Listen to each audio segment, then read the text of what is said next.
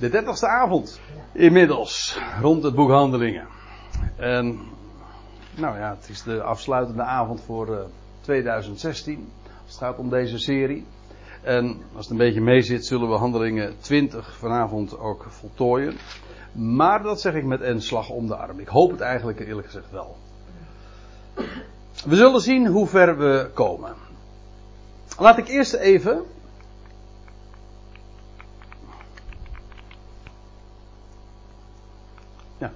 Nu doet hij het wel. Even terugblikken op uh, wat we de vorige keer hebben besproken. Ik, uh, de terugblik wil ik even beperken tot alleen de vorige keer. We hebben gezien dat Paulus op doorreis is naar Jeruzalem. Maar, en hij wil, en daar had hij enige haast mee, lees je, omdat hij per se, of in ieder geval als het even kon, uh, met Pinksteren daar wilde zijn. Een hoogtijd per slotverrekening. En dat zou ongeveer nog zes weken in beslag nemen. We weten dat een week van tevoren het uh, nog Pesach was, dus uh, dit moet een paar dagen later dan geweest zijn. Want hij maakt een, dan een tussenstop in Mileten nadat hij verschillende eilanden zo heeft aangedaan. We hadden het er zojuist even over dat ze zo uh, per schip dus hun reis maakten. En een tussenstop maakte hij in Mileten, dat was vlakbij Efeze. Maar ja, als hij dan vlakbij zegt, dan praat je altijd geloof ik nog weer over een 30, 40 kilometer afstand. Hij laat de senioren, ik noem het expres even zo, de presbyteros, die de functie hadden van opzieners, ik kom daar straks nog op terug. Uh, hij liet hen bij zich komen wellicht, uh, we hebben dat vorige keer geloof ik ook nog even overwogen. Toen is de suggestie mij van de hand gedaan. En het lijkt me heel aannemelijk dat Paulus er uh, enigszins uh, ja, een beetje bunzig voor was om, om Efeze weer aan te doen. Na alle tumult die daar was geweest, ook rondom zijn persoon. In elk geval, hij laat hen bij zich komen en om daar ook afscheid van hen te nemen.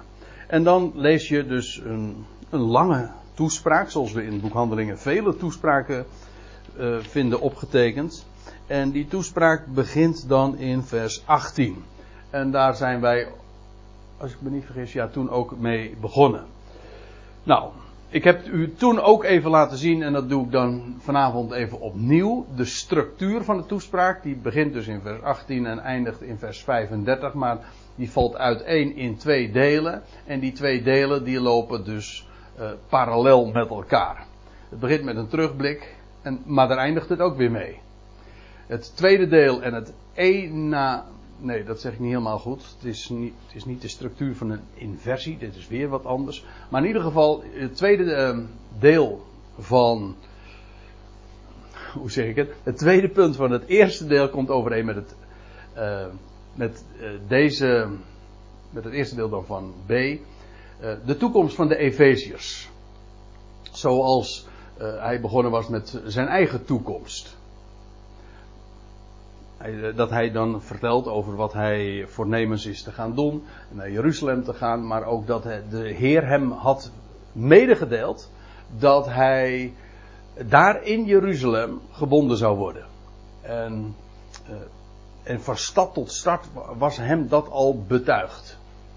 Nou, dan zie je dus de toekomst van Paulus, de Paulus' prediking, de oproep aan de Efeziërs en hier de toekomst van de Efeziërs, Paulus' prediking en de oproep opnieuw aan de Efeziërs. Dus dat, die beide delen lopen daarin dus parallel. Nou, we waren aangekomen bij vers uh, 24 en het lijkt me goed om in ieder geval nog even voor te lezen. Ik wil trouwens er even op, uh, bij opmerken, ik, ben, uh, ik heb me voorgenomen, na goede gesprekken vorige week met uh, broeder Menno gehad te hebben. Om de tekst uh, voortaan niet meer vanuit de MBG door te geven, maar zo dicht als mogelijk aansluitend op de interlineair. Dus dat, dat levert soms niet al te mooi Nederlands op, maar het heeft wel het enorme voordeel dat we zo dicht als mogelijk bij die tekst van Lucas komen, zoals hij hem heeft opgetekend. En daar uh, komt nog iets bij, en dat is, uh, ik hoefde daarbij niet helemaal af te gaan op, uh, op, op het werk wat ik zelf daar zou aan zou hebben. Menno had dat ook al een concordante tekst van gemaakt. Overigens, deze versie komt geheel voor mijn rekening, maar ik geef dus bij deze wel eventjes aan dat ik ook erg gesteund heb op wat, wat Menno daarmee gedaan heeft. Ik zal straks uiteraard ook de interlineair daarbij laat, laten zien. Maar in vers 24 had hij nog gezegd, maar betoog Paulus, en ik heb mijn ziel niet kostbaar uh, voor mijzelf geacht, zo moest dan de tekst luiden, als ik mijn loopbaan maar met vreugde tot volmaaktheid mag brengen. En tot voltooiing in die zin dus. En de bediening die ik van de Heer Jezus in ontvangst nam, om het, namelijk om het goede bericht van de genade van de God te betuigen. Dat is precies waar we de vorige keer mee afgesloten zijn. Het goede bericht van de genade van God. Ja, en wat die genade van God is, ja, dat wordt in het boek Handelingen feitelijk niet zozeer eh, naar voren gebracht. Natuurlijk vind je hints genoeg in die richting, maar dan moet je vooral wezen natuurlijk in zijn brieven. En maar dan is hij daar ook wel heel ruik, rijkelijk in om dat allemaal eh, in geuren en kleuren te, beschrijven. Nou, en dan pakken we hier in vers 25 de draad op. En nu zegt hij, neem waar. Ik heb vernomen, of eigenlijk ook hier weer datzelfde woord uh, waarnemen. Ik heb vernomen, ik weet. Dat, dat woord, wat in de MBG meestal wordt weergegeven met ik weet, of weten. Dat is, daar zit, dat is letterlijk dus waarnemen. Ik heb, waar, uh, ik heb waargenomen. Ja, hier. Ik heb waargenomen. En dat betekent dat het een. Dat is zintuigelijke kennis. Dat is het idee. Het is iets wat je weet op basis van waarneming. Ongeacht of je dat nou geroken hebt, gezien of gehoord. Maar in elk geval, je, je weet dat gewoon omdat je. Bijvoorbeeld, ik weet iets omdat ik het zelf met mijn eigen ogen lees. Dat is ook een. Dat is, zul ik weten. Dat neem ik namelijk waar. Of je hebt het gehoord hoe Paulus dit vernomen of waargenomen heeft. Dat zegt hij er niet bij. Maar dat is wel het woord wat hij gebruikt. Heeft de Heer het hem verteld? Het zou kunnen. Is het in een visioen uh, getoond? Zou kunnen. Staat er niet bij. Maar hij zegt: Ik heb waargenomen. Dat jullie alle niet meer het gezicht van mij zullen zien. En daarmee staat Paulus afscheid. En dat vind ik het mooie ook van deze toespraak. Dat wil zeggen, het maakt deze toespraak ook heel actueel. Want het het feit dat Paulus hier afscheid neemt, dat betekent dat die mensen daar op het strand van Mileten in dezelfde positie zich bevonden, in die zin, als wij vandaag. Dat wil zeggen, we hebben, de, we hebben het, woord van Paulus vernomen, eh, maar hij zelf is niet meer in ons midden. We leven nu al zo lang in de, zoals dat dan heet, de na-apostolische tijd. Dat wil zeggen, de, de generatie van de apostelen, die is uh, ja, sinds de eerste eeuw voorbij. En ja, zijn gezicht zien we niet meer.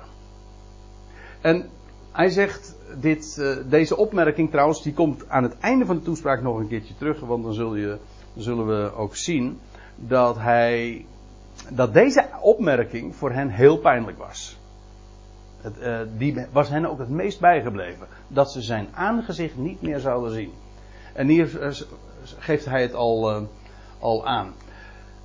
Dat jullie alle niet meer het gezicht van mij zullen zien, te midden van wie ik rondging, proclamerende het koninkrijk. Ja, hij, hij, was daar in Azië, in die hele landstreek, want Paulus was niet alleen daar, ja, hij was gestationeerd in Efeze, maar het woord ging, uh, deed zijn ronde daar in heel uh, Azië. We hebben dat ook gezien. En wat deed hij? Ja, we hebben gezien in het voorgaande vers, in vers 24. Hij betuigde het goede bericht van de genade van de God. De boodschap om niet. God is genadig. Dat heeft hij daar verteld. En hier zegt hij, proclamerende het koninkrijk. Nou, dat is dat woord het koninkrijk, of het begrip of van het koninkrijk, dat speelt natuurlijk een enorm grote rol in het boek Handelingen. Laten we dat eens een keer op een rijtje zetten. Zo kort. De twaalf. En als ik zeg de twaalf, dat is meteen alweer zo'n term die ook direct uh, gelieerd is aan, aan Israël. U begrijpt het, de twaalf apostelen staat daarmee feitelijk ook model voor de twaalf stammen van Israël. De twaalf, zij prediken de opgewekte Messias, hè, vanaf de aanvang van het boek Handelingen, vanaf de Pinksterdag. Ze prediken de opgewekte Messias aan Israël met het appel dat het koninkrijk zou aanbreken als het volk zich zou bekeren. Ik geef even hier de verwijzing in hoofdstuk 3 aan waar Petrus dat zo expliciet zegt dat het volk zich zou bekeren en dan zou de tijden van verademing aanbreken en, het, en de, de wederherstelling van alles wat de profeten hebben gesproken. De twaalf prediken dat heel speciaal aan Israël. Dan krijg je een aantal hoofdstukken waarbij je heel duidelijk ziet ook dat de afwijzing zich steeds meer gaat aftekenen.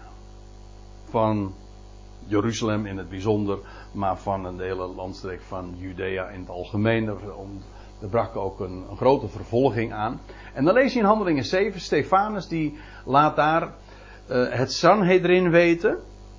Stefanus was weliswaar niet een van de twaalf. Zijn naam betekent kroon. Uh, niet, niet om, uh, geheel zonder betekenis. Maar in ieder geval, Stefanus die laat het Sanhedrin, het officiële bestuur, of de officiële regering van Israël. Hij laat het Sanhedrin weten dat Israël het woord van God heeft afgewezen. Nou, en dan, met dat gezegd hebben, dan dan lees je ook ze knerste de tanden. Dat was niet van verdriet, maar dat was van pure haat en van ja, naijver, jaloezie of ja, maar in ieder geval van haat ook ja. Uh, hij wordt gestenigd en daarmee bevestigt hij precies dat wat hij verkondigd had, namelijk dat ze altijd al het woord van God hadden afgewezen. Dit, dit moment is ook het, het moment dat, dat Jeruzalem als stad, maar dan ook officieel het Sanhedrin het evangelie van de opgewekte Christus afwijst.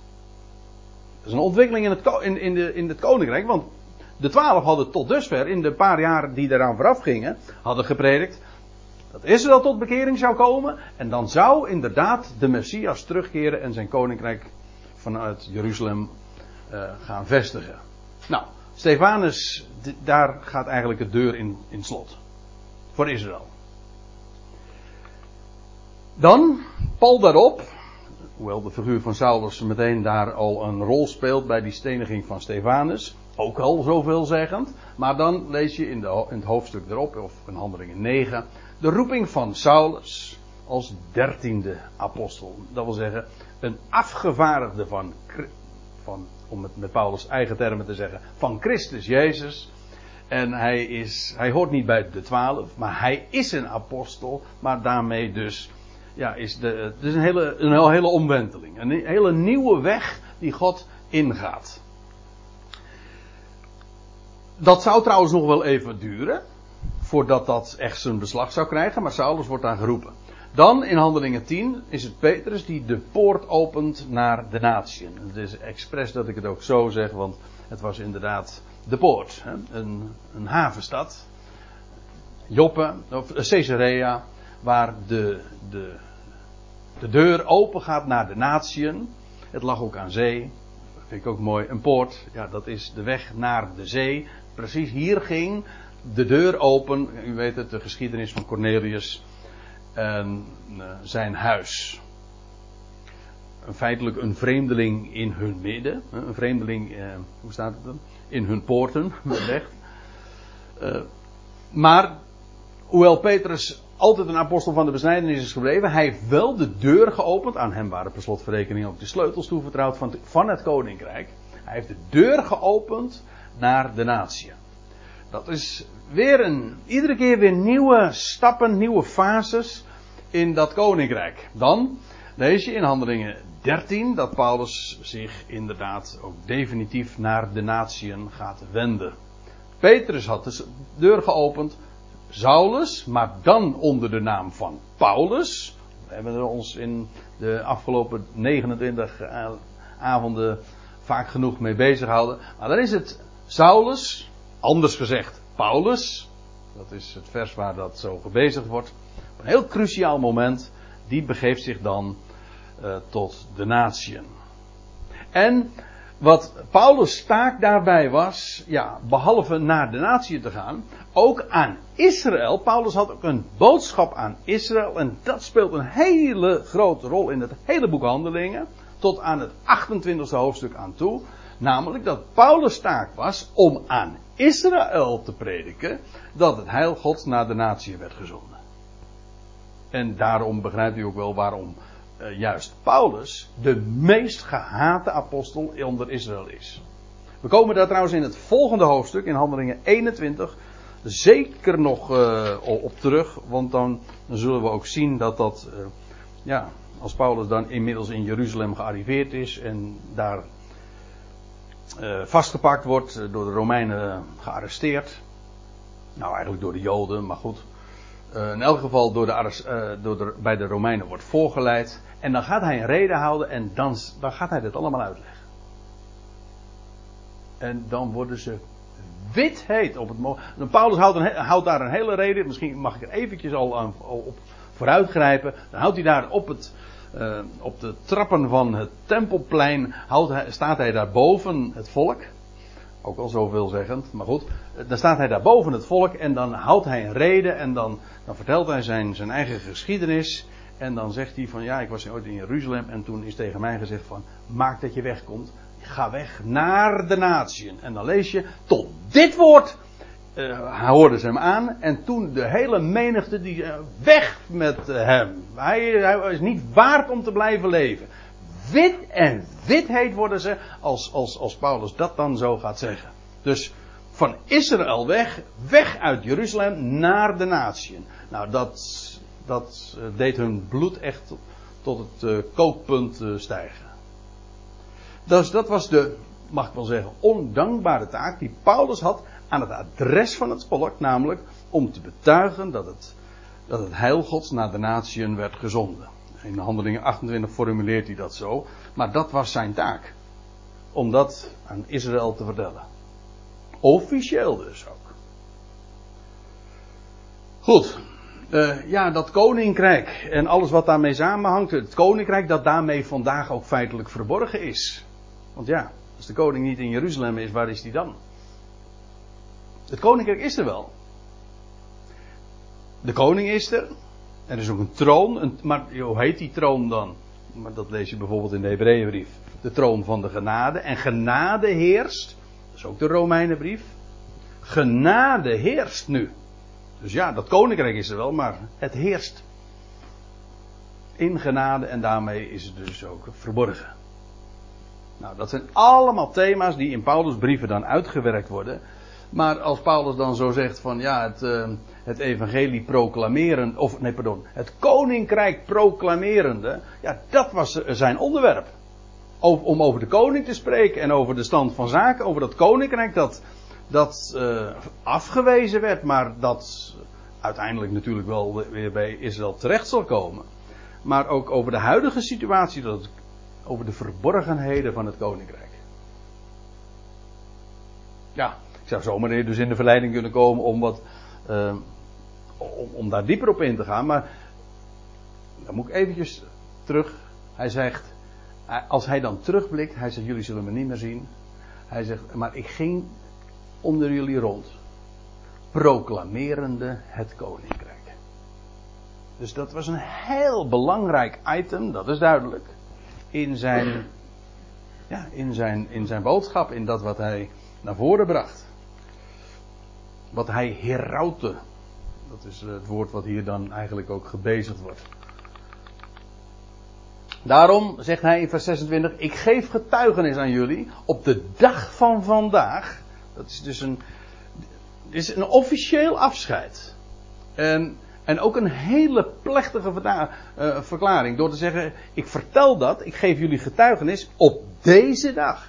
Soms eh, moet je dat benadrukken. Hè? Dat je, dan benadruk je het tijdstip waarop je iets zegt. Of de plaats waar je iets zegt. Nu, vandaag, hier. Ik denk zomaar ook aan uh, wat de Heer Jezus ooit uh, zei, de dag van zijn sterven, tegen de moordenaar aan het kruis. Het is alom misbegrepen, als het mij vraagt. Maar dat hij tegen die moordenaar aan het kruis zegt: van ik zeg je heden. Je zult met mij in het paradijs zijn. Ja, men, men zegt altijd de komma verkeerd. Hè? Van ik zeg je heden zul je met mij in het paradijs. Nee, ik zeg je heden. Jij zult met mij in het paradijs zijn. Enfin, maar het gaat er even om dat het van belang, soms uh, van belang is om juist te vermelden en te benadrukken dat je het nu, hè, nu zegt, op deze dag, hè, of uh, op deze dag van afscheid. Hij zegt, ik geef getuigenis aan jullie op, op de dag van vandaag dat ik rein ben van het bloed van allen. Dat is een um, uitdrukking die we in het Oude Testament nog eens een keer vinden. Nieuw Testament ook een paar keer, maar hij komt uit ja, het is Hebreeuws idioom om zo te zeggen. Hebreeuws taal eigen. En Paulus zegt dit ook, want hij weet, en hij zal dat straks ook zeggen, de kudde zal niet gespaard worden. Maar, zegt Paulus, wat er ook gaat gebeuren, dat komt niet door de boodschap die ik jullie heb verteld. Al die jaren dat ik eh, onder jullie bezig geweest ben en geproclameerd en betuigd heb en gesproken heb. Hij zegt, ik ben daar rein van. Dat wil zeggen, zijn bediening, ja, die hij van de Heer had ontvangen, die heeft hij ja, mogen, mogen vervullen. En hij heeft alles doorgegeven. Dat, uh, dat gaat hij nou vervolgens ook in het, eh, in het navolgende dus naar voren brengen. Hij zegt, als de kudde niet gespaard wordt. Het is een wat, hij spreekt over het bloed van allen. Hij zegt, ik ben daar vrij van. Als, als het bloed vergoten wordt, als de kudde niet gespaard wordt. Ik gebruik eventjes eh, woorden die hij later gaat bezigen. Hij zegt, dan is dat, dan ben ik daarin vrij. En onschuldig. En dat dat inderdaad zo is, want dat blijkt wel uit het, uh, het eerste woord van het 27e vers. Want, zegt hij, dus ik ben rein van het bloed van allen, want ik onttrek mij toch niet van het verkondigen aan jullie. U leest uh, wellicht uh, nu ook mee, zij in de MBG of in de Statenvertaling, of in de Telosvertaling zie ik hier ook op afstand. Maar ehm, de formulering is uh, soms wat, uh, wat anders. Uh, maar als hij zegt: Ik onttrek mij toch niet, uitdrukkelijk niet, hè, dat is dat. Er wordt hier een heel. ja, specifiek woord gebruikt, dat wil zeggen met een klemtoon van: Ik onttrek mij toch niet van het verkondigen aan jullie. Van wat dan? Nou, van al de raad van de God. Hier heb je weer zo'n uitdrukking waarvan ik direct toegeef dat het niet echt heel mooi Nederlands is. Maar dit is wat hij zegt. Van al de raad van de God. Wat, wat verkondigde Paulus? Of wat had hij verkondigd? Waarom was hij rein van het bloed van allen? Wat er ook zou gebeuren, dat lag niet aan de boodschap. Hoezo? Wel, Paulus had namelijk al de raad van de God. Dus niet de raad, Nee, al de raad. Dat wil zeggen geheel de raad. En niet van God zomaar, maar van de God. Mooi als je zulke tegenstellingen maakt. Hoe Paulus dat precies zegt. Hij heeft al de raad van de God. Dat woord raad, dat heeft de betekenis van, van bedoeling. Eh, intentie. Alles, dat gaat heel diep trouwens. Je leest, laat ik even een citaat geven. als het mij vraagt, het mooiste woord in het uh, Nieuwe Testament als het gaat over de raad van God. In Efeze 1, vers 11. Daar zegt hij, tevoren bestemd wordend naar zijn, Gods voornemen, die in het al, dat wil zeggen, in alle dingen, in het heelal, inwerkend is naar de raad van de wil van Hem.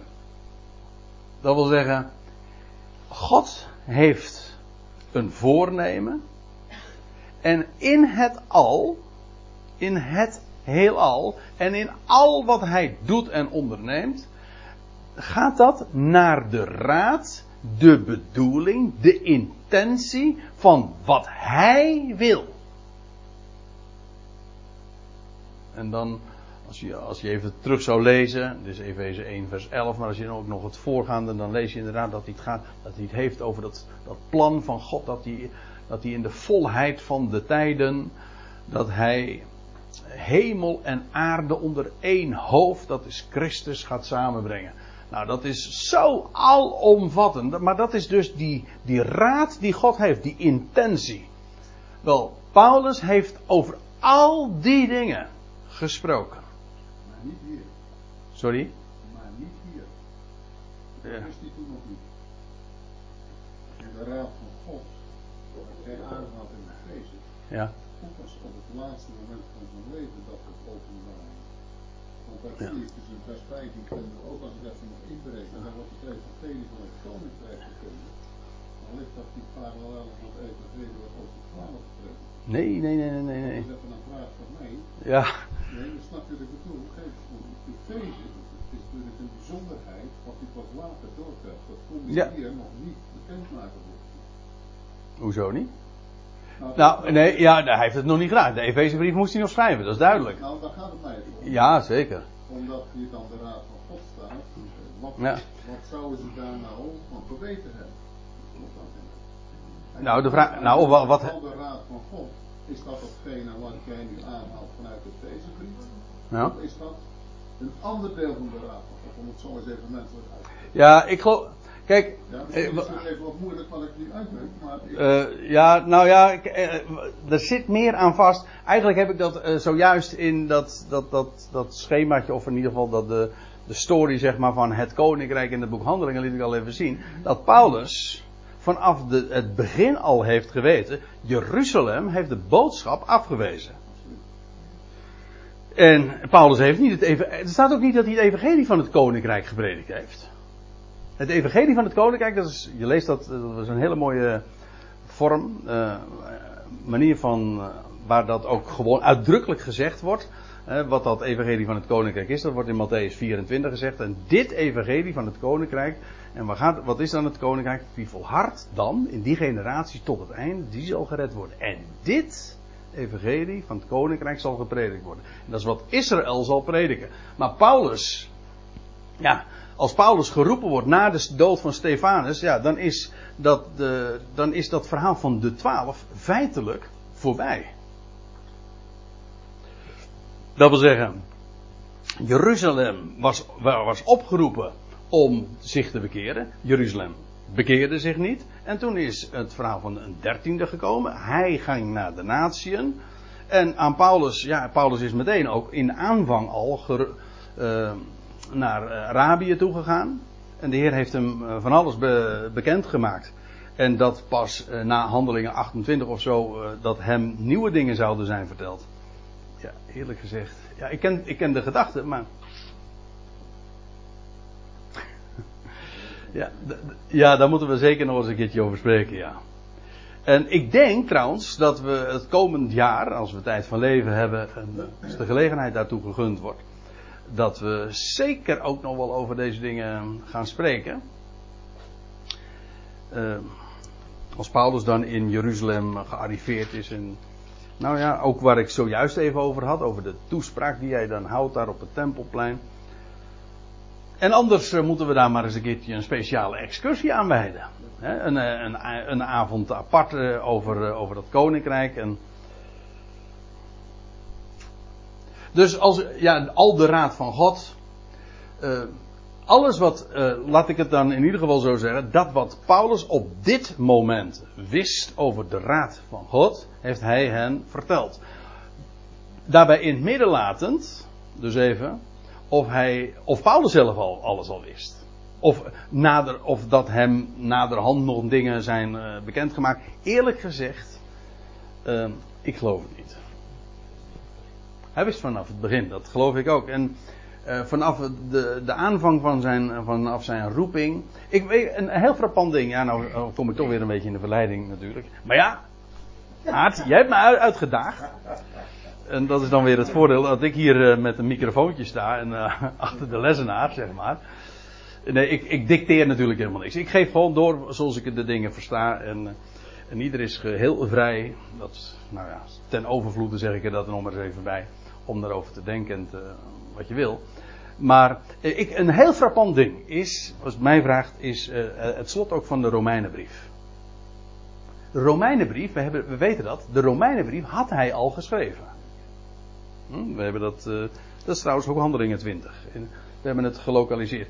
Aan het einde van het boek Handelingen, of van de brief aan de Romeinen, dan, dan spreekt hij over het geheimenis, de verborgenheid, die sinds Ionen uh, verborgen is gebleven in God, die is aan hem bekendgemaakt. Dat zegt hij in de Romeinenbrief. Ja, dus dat, dat tekent hij daar toch al op. En dat is dus nadat hij. Uh, dat is op, dat, die brief had hij al geschreven voordat hij uh, deze toespraak hield in Mileten. Nou goed, laten we het hier eventjes bij houden. Hè?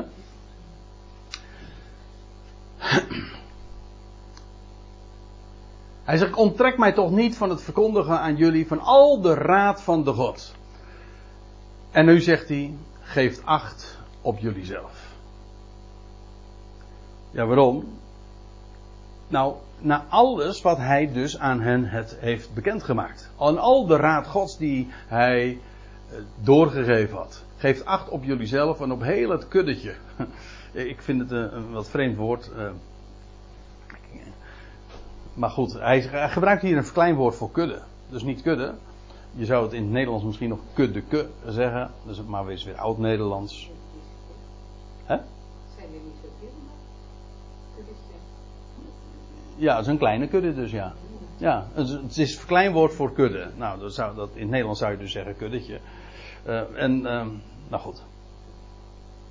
Uh, dat is namelijk het woord wat hij hier bezigt, niet waar Menno? Ja. Dus, nou ja, dat heb ik dan ook maar zo weergegeven. Geef acht op jullie zelf en op heel dat kuddetje. Ik heb per slotverrekening, laten we wel wezen. Het was maar een deel.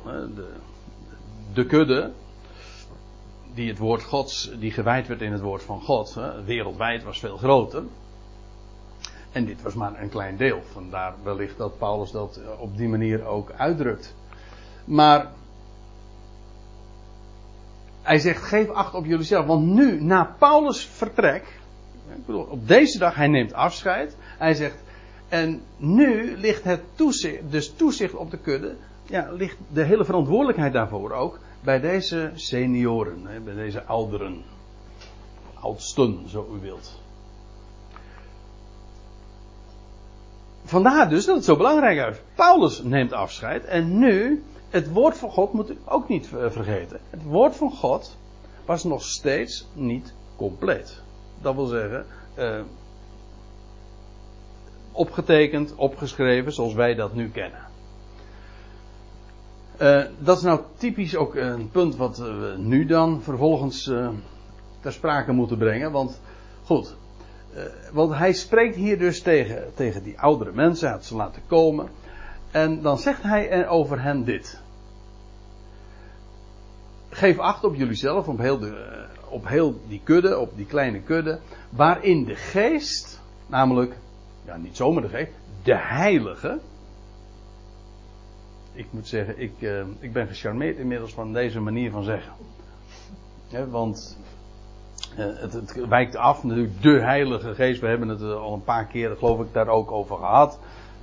dat dan denkt men meteen aan de derde persoon van de drie eenheid. Nee, het is de geest, namelijk de Heilige. De Geest, de Heilige van God. De Geest, de Heilige, uh, waarin de Geest, de Heilige, jullie plaatste als opzieners. Of tot opzieners. Of toezichthouders. Het woord in het Grieks is episkopos. En dat, dat betekent, dat epi, dat betekent op. En dat andere betekent opmerken of zicht. Dus opzicht. Vandaar opziener is vrij, uh, vrij letterlijke weergave. Overigens moet ik erbij zeggen dat als je. Ik heb hier eventjes een. een dat heet in het Bijbelprogramma dat we dan gebruiken. De, het ISA-programma. Een, een concordant view. Dat wil zeggen, dan krijg je zo een zicht op dat woord, alle vormen waarin dat in het Nieuwe Testament gebezigd wordt. En dan ziet u, dit is de wijze waarop dat concordant is weergegeven. En deze kolom zie je hoe de MBG dat heeft weergegeven. Maar dit woord, dat episcopos, dat is, of het grondwoord daarvan, dat wordt ook heel dikwijls in de MBG weergegeven met omzien. Ziet u? Uh, bijvoorbeeld in Lucas 1 dat je leest uh, dat God naar zijn volk heeft omgezien. En die is ook fraai. Bij een opziener denk je natuurlijk vooral aan uh, ja, opzichthouder. Ik denk dan meteen aan Bromsnor zelfs. Maar dat is mijn. weet je, strengheid. dat, ik zeg niet dat het element er niet in zit. Maar ik moet u zeggen, ik vind hem ook wel buitengewoon fraai. Vooral ook als je trouwens denkt aan de connectie met een herder. Want dat een opziener blijkt een herder te zijn. Een, een, herder die houdt maar geen opzicht over die kudde. Maar hij ziet ook om naar de kudde. En dat heeft dus ook de betekenis van ervoor zorg dragen en, en zich erover ontfermen. Uh, dat is de gedachte die daar, uh, dat zijn de gedachten die daarin meekomen. En u ziet, heel wat keren wordt het ook in de MBG zo weergegeven. Omzien naar, gij omziet, om te zien, zal omzien.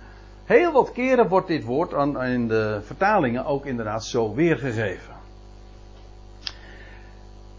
Hier gaat het dus over, je zou dus ook kunnen zeggen, ehm, in plaats van over opzichter te spreken, over een omzichter. Iemand die, die omziet naar. daar zit in ieder geval een veel vriendelijker uh, toon, komt daarin in, in mee. En ook een, het is veel pastoraler, om zo te zeggen. Veel herderlijker klinkt dat. En, maar nu eventjes over dat woord. Uh, opzieners, omzieners. Een paar keer komen we ze tegen. En hier, uh, Paulus heeft die senioren bij zich laten komen. En ja, welke functie vervulden ze als senior, als ouderen, uh, om om te zien naar en op te zien op, uh, toe te zien op, uh, op de kudde. Dat was een speciale functie. Waartoe ze gesteld waren van Gods wegen, door de geest, de heilige. Daarin waren ze geplaatst. Hoe ging dat in zijn werk? Nou, we lezen een paar keer in het Nieuwe Testament dat dat dat mensen in zo'n functie worden aangesteld. In Handelingen 14, dan gaan we een heel aantal hoofdstukken dus terug. Dan lees je, ehm, ik meen dat dit in Antiochië dan is. En nadat zij, en dan gaat het over Paulus en Barnabas, voor hen in elke ecclesia, ze waren, ah, ze drukdoende geweest, en in elke ecclesia, elke volksvergadering, ouderen hadden aangewezen, ze werden dus, moet ik er ook nog bij zeggen. Wij gebruiken dat zo in het spraakgebruik en dat is niet, dat is niet correct. Iemand wordt tot oudste gesteld, aangesteld. Zal je nooit lezen in de Bijbel. Oudste is niet een functie, een oudere ben je namelijk gewoon. Een senior. Een oudere. Maar het oudere werden aangesteld. Niet tot ouderen aangesteld, maar ouderen ze waren een senior. In welk opzicht trouwens dat ook. Dat hoeft nog niet eens senior in, in leeftijd te zijn, maar gewoon uh, heeft te maken met levenswijsheid, ervaring. Maar in ieder geval, ze waren senior. En die ouderen werden aangewezen. En, en nou, dan lees je, ze droegen hen onder bidden en vasten de Heer op in wie zij geloofd hadden. Maar het gaat er even om dit. Zij hadden in elke ecclesia ouderen aangewezen. Ik weet, de kerkelijke praktijk is een andere. Daar, daar, gaat het andersom. Daar gaat het precies andersom. Daar, daar lees je, daar, of dat is uh, in, in, zeker in de protestantse wereld, is het zo. Gaat het democratisch, dan zijn uh, de, de, is het het kerkvolk zelf dat door middel van stemming ouderen aanwijst, ook feitelijk oudste kiest. Maar dat was dus niet de praktijk in de dagen van Paulus. Het waren mensen die aangewezen werden door Paulus en Barnabas. En zo gaat het altijd. Ik zal u nog een voorbeeld geven. Titus 1. Ja, zoveel meer voorbeelden zijn trouwens niet. Maar voor zover de schrift ons daar mededeling over doet, lees je dit. Handelingen 14. Paulus en Barnabas hadden ouderen aangewezen in elke ecclesia. In Titus, daar lees je, ik, dus Paulus, heb u, Titus, hij schrijft aan Titus, op Kreten achtergelaten, met de bedoeling dat u in orde zou brengen hetgeen op verbetering behoefte.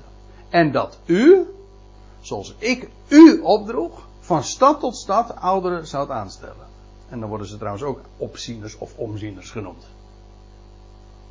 Ook hier, Paulus schrijft niet de, de Ecclesia's van Kreta aan dat zij eh, voor zichzelf een stemming of een, eh, iets zouden regelen waarbij zij hun eigen oudste zouden aanstellen. No way. Dat zo staat. Het is Paulus die een delegaat achterlaat. Hè? Titus, mocht dat, Titus had die functie. Ja, waarom? Omdat Paulus dat hem had opgedragen. En vervolgens was het Titus die zelf in elke ecclesia zulke mensen zou aanstellen. Dus het is altijd heel, zoals dat heet, top-down. Dat is trouwens in de Bijbel altijd wat gezag is. Dat is niet uh, van, van beneden af. Gezag komt niet van, van onder. Gezag komt van boven. Dus je hebt deze lijn. Gezag uiteindelijk komt van God. God stelt Christus aan. God is het hoofd van Christus. En dan is het Christus die Paulus riep en afvaardigde. En vervolgens is het Paulus, of die bijvoorbeeld Titus, maar deed ook zelf, opzieners of omzieners aanstelt. Zo, dit is de lijn. Dus dat was, dat was formeel gezag van opzieners. Die, op, die opzieners die daar in Efeze waren, die konden inderdaad zeggen: We zijn door de geest, de heilige, hier in deze positie geplaatst. Want het is Paulus zelf, een afgevaardigde van Christus Jezus, die ons in die functie ook heeft gesteld. Dat is dus maar niet een autoriteit die een, een kerkgemeenschap of een genootschap of uh, zichzelf kan aanmeten. Waarna natuurlijk vervolgens de vraag is: maar hoe zit het dan vandaag? Hm? ja. Hoe zit het dan vandaag? Ja, ik ben erg met deze dingen bezig. Ik heb afgelopen zondag in, in uh, Zoetermeer nog daarover gesproken. Maar sinds, sinds de eerste eeuw, sinds die, die generatie van de apostelen inderdaad is weggevallen, is het woord van God compleet en bestaat er niet eens meer een formeel gezag. Deze opzieners hadden formeel gezag. Waarom? Ze waren aangesteld door, of door Titus, maar niet direct uh, door Titus, maar in ieder geval indirect door Paulus. Of voor mijn part de andere apostelen, van de andere apostelen lees je het überhaupt trouwens niet. Maar in ieder geval door een afgevaardigde van Christus zelf. En een apostel, ja, dat is iemand die rechtstreeks is afgevaren. De laatste apostel was Paulus.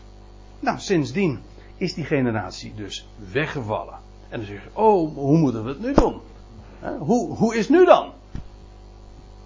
En dus hebben we, is er, heeft men zelf formeel gezag bedacht en ontworpen, maar het is niet naar de schrift. Er bestaat vandaag helemaal geen formeel gezag van een instituut of van een college of een concilie of van ambten. Het hele idee van een ambt, van formeel gezag, is gewoon uit de lucht gegrepen, niet naar de schrift. Het enige gezag dat we hebben, dat is het gezag van de schrift. Daarmee hebben we te doen. Maar dat, maar dat is juist het hele punt. Dit is precies wat ons ook volwassen maakt. U en mij, ja, er staat geschreven. Het woord is compleet. Er is niet, niemand die boven de ander staat. Ook geen college of commissie of niemand. Helemaal niemand. Je zegt van ik ben, ik ben gesteld tot evangelist of herder. Of, huh? De brief van Jacobus stelt wel de oudsten daar zieken Ja. aan om ze te zalven. Huh? Staat dat in een andere context ten opzichte van wat jij nu aangeeft? Want daar wordt dus wel geschreven, dus in het omzien was dat dan ook in die tijd dat het op een gegeven moment eigenlijk voorbij ging. Maar dat mensen zelf het initiatief hebben genomen vanuit zijn de Ecclesia, het zijn Joods of het zij vanuit de natie. Ja. Die hebben gedacht van nou, we moeten toch iemand hebben die de leiding neemt. Of iemand die dingen aanzet op het kijken hoe we naar elkaar om. Hoe doen we dat nou? Ja. Want dat is natuurlijk wel een vraag die blijft nu. Ja, er zijn, nee, ja goh, de, maar het, het, het gaat mij ook trouwens nu niet zozeer om, om het hele onderwerp van op- opzieners of omzieners te bespreken. Het gaat mij meer om het feit dat, dat, dat opzieners of omzieners gesteld werden, nooit door een ecclesia, maar door de apostel zelf. En bij ouderen kun je dat niet zo zeggen. Kijk, in sowieso, de, je moet het niet vergeten, maar dat, dat eh, heb je ook niet vergeten. Maar dat, ik, ik wijs er even op. Jacobus richt zich tot de twaalf stammen, dat is één. Maar dan nog is het begrip ouderen, als Paulus of als Johan, eh, Jacobus in Jacobus 5 spreekt over laat dan een van de ouderen tot u komen. Ja, dan praat hij dan over een ambt? Nee, een oudere is geen ambt. Een oudere is gewoon. er zitten hier, er zitten hier meer ouderen, nietwaar? Senioren. Precies, dat bedoel ik.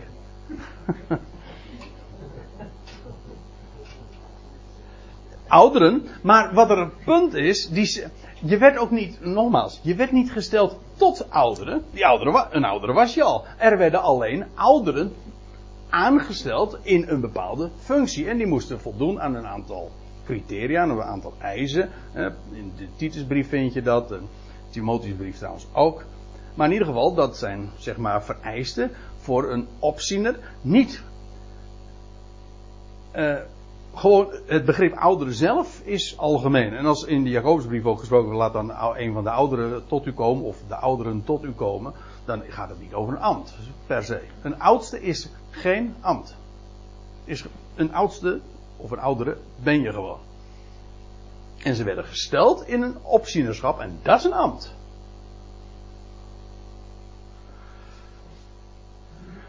Ja. Oh joh. Nou, dat. eh Goeiedag zeg. Ja, maar dat eh, is, al- is allemaal, jullie schuld hoor, omdat jullie mij. Oh, dat ik de dingen extra moet toelichten. Maar ja, je maakt los. Ja, ja, ja. Ja, daarom. Dat is eh, helemaal geen punt. Geef acht op jullie zelf en op heel het, eh, die, die kleine kudde waarin de geest, de heilige, jullie plaatste als opzieners. Om te hedderen, dan zie je dat dat begrip omzien en herder heel dicht bij elkaar ligt. Dat is trouwens in, in uh, Titusbrief ook zo. Om te hedderen, eh, ik, ik gebruik het hier als werkwoord. Eh, per slotverrekening, je kan ook vaderen en moederen. hè.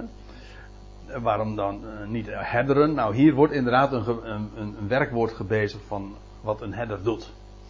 Dus eh, om te herderen de ecclesia van de God. Ja, wat doet een herder? Ja, die hoedt en hij wijdt. En hoeden heeft eigenlijk ook de betekenis van behoeden. Hm? Hoeden en wijden. De weide geven. Om, dat is echt omzien naar. Hè? Dat is zorgen dat de kudde behoed wordt en gewijd wordt. Met name dat natuurlijk. En dat kan alleen maar met woord. Wel, Paulus had woord gebracht. Weliswaar was dat woord allemaal nog niet op schrift enzovoorts. Dat is waar. Het was nog niet, de schrift waren, waren niet compleet. Maar zij kenden het woord. Daarom was het ook in die dagen nog zo belangrijk dat er aangestelde opzieners waren. Waarvan Paulus, of waarvan die konden zeggen van, ja maar wacht even, het woord dat Paulus bracht, op gezag van Christus Jezus zelf, daar, uh, dat woord dat beheren wij, want wij zijn zelf door Paulus gesteld. In deze functie. Dat was in die dagen allemaal. Men kon nog niet zeggen van ja, maar dat staat geschreven. Want de schriften waren nog niet compleet. Dan zie je wat voor een enorm voorrecht we nu vandaag beleven, nu de schriften wel compleet zijn. Laat dat nooit van jou verpakken. Laat je daarom ook nooit wat uh, aanleunen. Maar in ieder geval, en natuurlijk, en uh, even voor de goede orde, want ik moet nou nog iets rechtzetten. Uh, of in ieder geval iets toelichten en erbij zeggen.